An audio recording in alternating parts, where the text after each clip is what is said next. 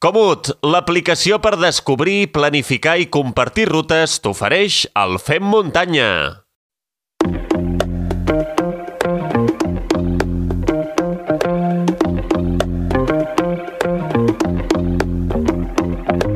El programa 73 no ens va poder acompanyar el Marc Cornet, però ara sí, eh, que ha arribat el moment del ment sana incorpore sano al Fem Muntanya. És important exercitar tots els músculs, fins i tot un que no ho és, però que ens ajuda a sentir-nos més desperts i ampliar horitzons del nostre coneixement. Ens referim, lògicament, al cervell. És temps de muntanya de llibres. Marc Cornet, com estàs?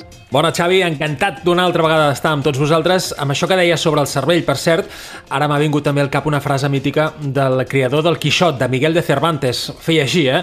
El que llegeix molt i camina molt, veu molt i sap molt. És allò que, en un llenguatge més profà, sempre s'ha dit que per viatjar ben lluny no hi ha millor nau que un llibre. I a quina nau hem de pujar en el programa d'avui? Una nau espacial, un tot terreny, una bicicleta, un patinet elèctric? Eh, tu mateix, tu diràs. Mira, potser el mitjà de transport és el de menys en el llibre que us proposo avui perquè un lector que pot viure mil vides abans de morir, per tant, podríem dir que una persona que no llegeix podríem dir també que es conforma amb només una sola existència i nosaltres aquí volem viure moltes vides. Eh? Precisament, l'obra d'avui és d'una dona inconformista, optimista i, sobretot, que va viure sempre com ella creia dient, com ella volia. És un llibre que vaig llegir ara ja fa molts anys i que, de fet, vaig comprar després de llegir una entrevista amb el millor corredor d'ultra trail de tots els temps. A veure, Kilian Jornet? Efectivament, ja fa molts anys, en una de les primeres entrevistes que recordo d'en Kilian, em va quedar gravat també com ell recomanava un petit llibre que portava per títol Bájame una estrella, de l'escaladora espanyola Míriam García Pascual. Si no vaig errat, eh, Marc, es tracta d'una escaladora que malauradament va tenir un final tràgic, no? Eh, així és, Xavi, perquè la Míriam sempre serà recordada sobretot per ajudar a arrencar l'alpinisme i l'escalada d'alta dificultat, sobretot entre les dones, entre el gènere femení.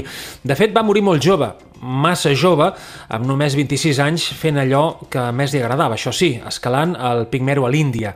Doncs, com et deia, eh, ja fa molts anys, en una entrevista amb el Kilian, va recomanar el seu únic llibre, aquest que us porto avui, és Bájame una estrella, editat per Ediciones Desnivel. I el va arribar a editar en vida aquest llibre o no? Malauradament no, perquè l'únic llibre que ens va deixar la Míriam García Pascual es va editar de forma pòstuma. Amb tot, s'ha convertit també, podríem dir, en una obra clàssica dins del món del muntanyisme i això que només té 65 pàgines. Per tant, podem dir que és un llibre per llegir en una sola tarda, eh? d'allò quan ara que ve la tardor, una tarda plujosa, eh, però d'aquells que s'han de rellegir de tant en tant, eh? De fet, m'ha agradat eh, preparar la secció d'avui precisament per això, eh? perquè Bájame una estrella recull una sèrie de relats, de poemes, de reflexions i també d'experiències de la pròpia Míriam. Ens trobem davant d'un text intimista, fins i tot il·lusori, que desprèn optimisme en cada mot, en cada frase i fins i tot també en cada pàgina. Eh?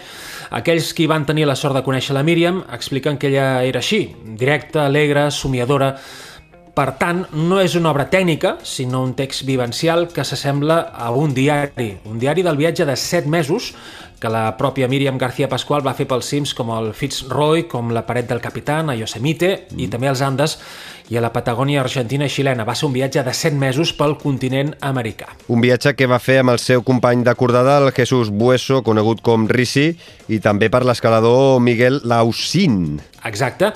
I un any després d'aquest viatge, la Míriam, el Miguel i el Risi van desaparèixer al Pigmero, al nord de l'Índia, després de patir una llau, tots tres. Fou el 25 de maig del 1990. Per sort, la Míriam sempre escrivia els seus pensaments i les seves reflexions en una llibreta, en un diari, i els textos de Bájame una estrella estan basats precisament en aquell entranyable diari que ella mateixa va escriure en el viatge per Amèrica, del qual parlaven en aquests eh, set mesos. Eh?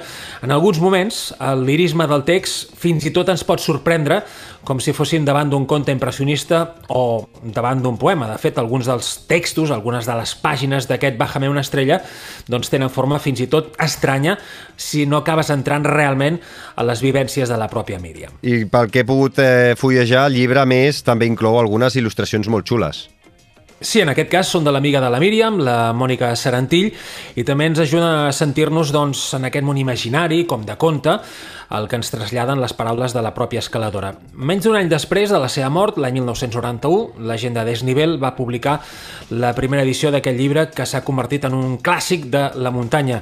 Bájame una estrella. És un cant a la llibertat en tota regla i també la frase del llibre ja n'és tot un exemple del que hi podrem trobar. Diu així, Viajé con la ilusión de llegar a ser un pájaro y volar cada vez más alto. ¿Qué pasa con los seres que reniegan de su condición? Sobre ellos trata esta història. Un llibre intens i encara més tenint en compte el destí tràgic de la seva autora, Marc.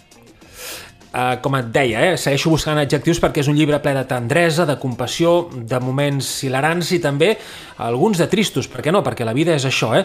Però per damunt de tot, traspua bellesa, ideals relacionats també amb la muntanya i amb l'entorn natural. Un món en què, tal com defensava la pròpia Míriam, el més important és sentir-se lliure i escollir les pròpies passes, encara que, així i tot, hagis de pagar el preu de la soledat. Doncs posem el Bájame, una estrella de la Míriam García Pascual, el prestatge del Muntanya de Llibres. Eh, aquest ja és el 17è llibre que tenim a la nostra biblioteca del Fem Muntanya. Uh, alguna cosa més uh, per tancar aquesta recomanació? Xavi, com sempre, m'agradaria acomiadar la secció amb un dels textos, amb algunes de les paraules de la pròpia Míriam, en aquest llibre, eh? diu eh?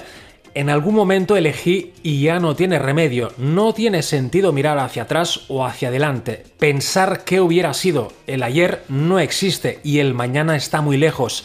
Elegí la libertad como compañera de viaje y ella no sabe de ternura y soledad. Mm -hmm. Doncs eh, per acabar, un gran eh, text, una bona reflexió de la pròpia Míriam Marc. Com sempre, moltes, moltíssimes gràcies per tot. Eh, ens escoltem i, sobretot, ens llegim en el proper podcast d'aquí 15 dies. Cuida't, una abraçada. Xavi, una abraçada. El plaer, ja ho sabeu, sempre és meu i, com sempre us dic, eh, salut, muntanya i, sobretot, molta lectura.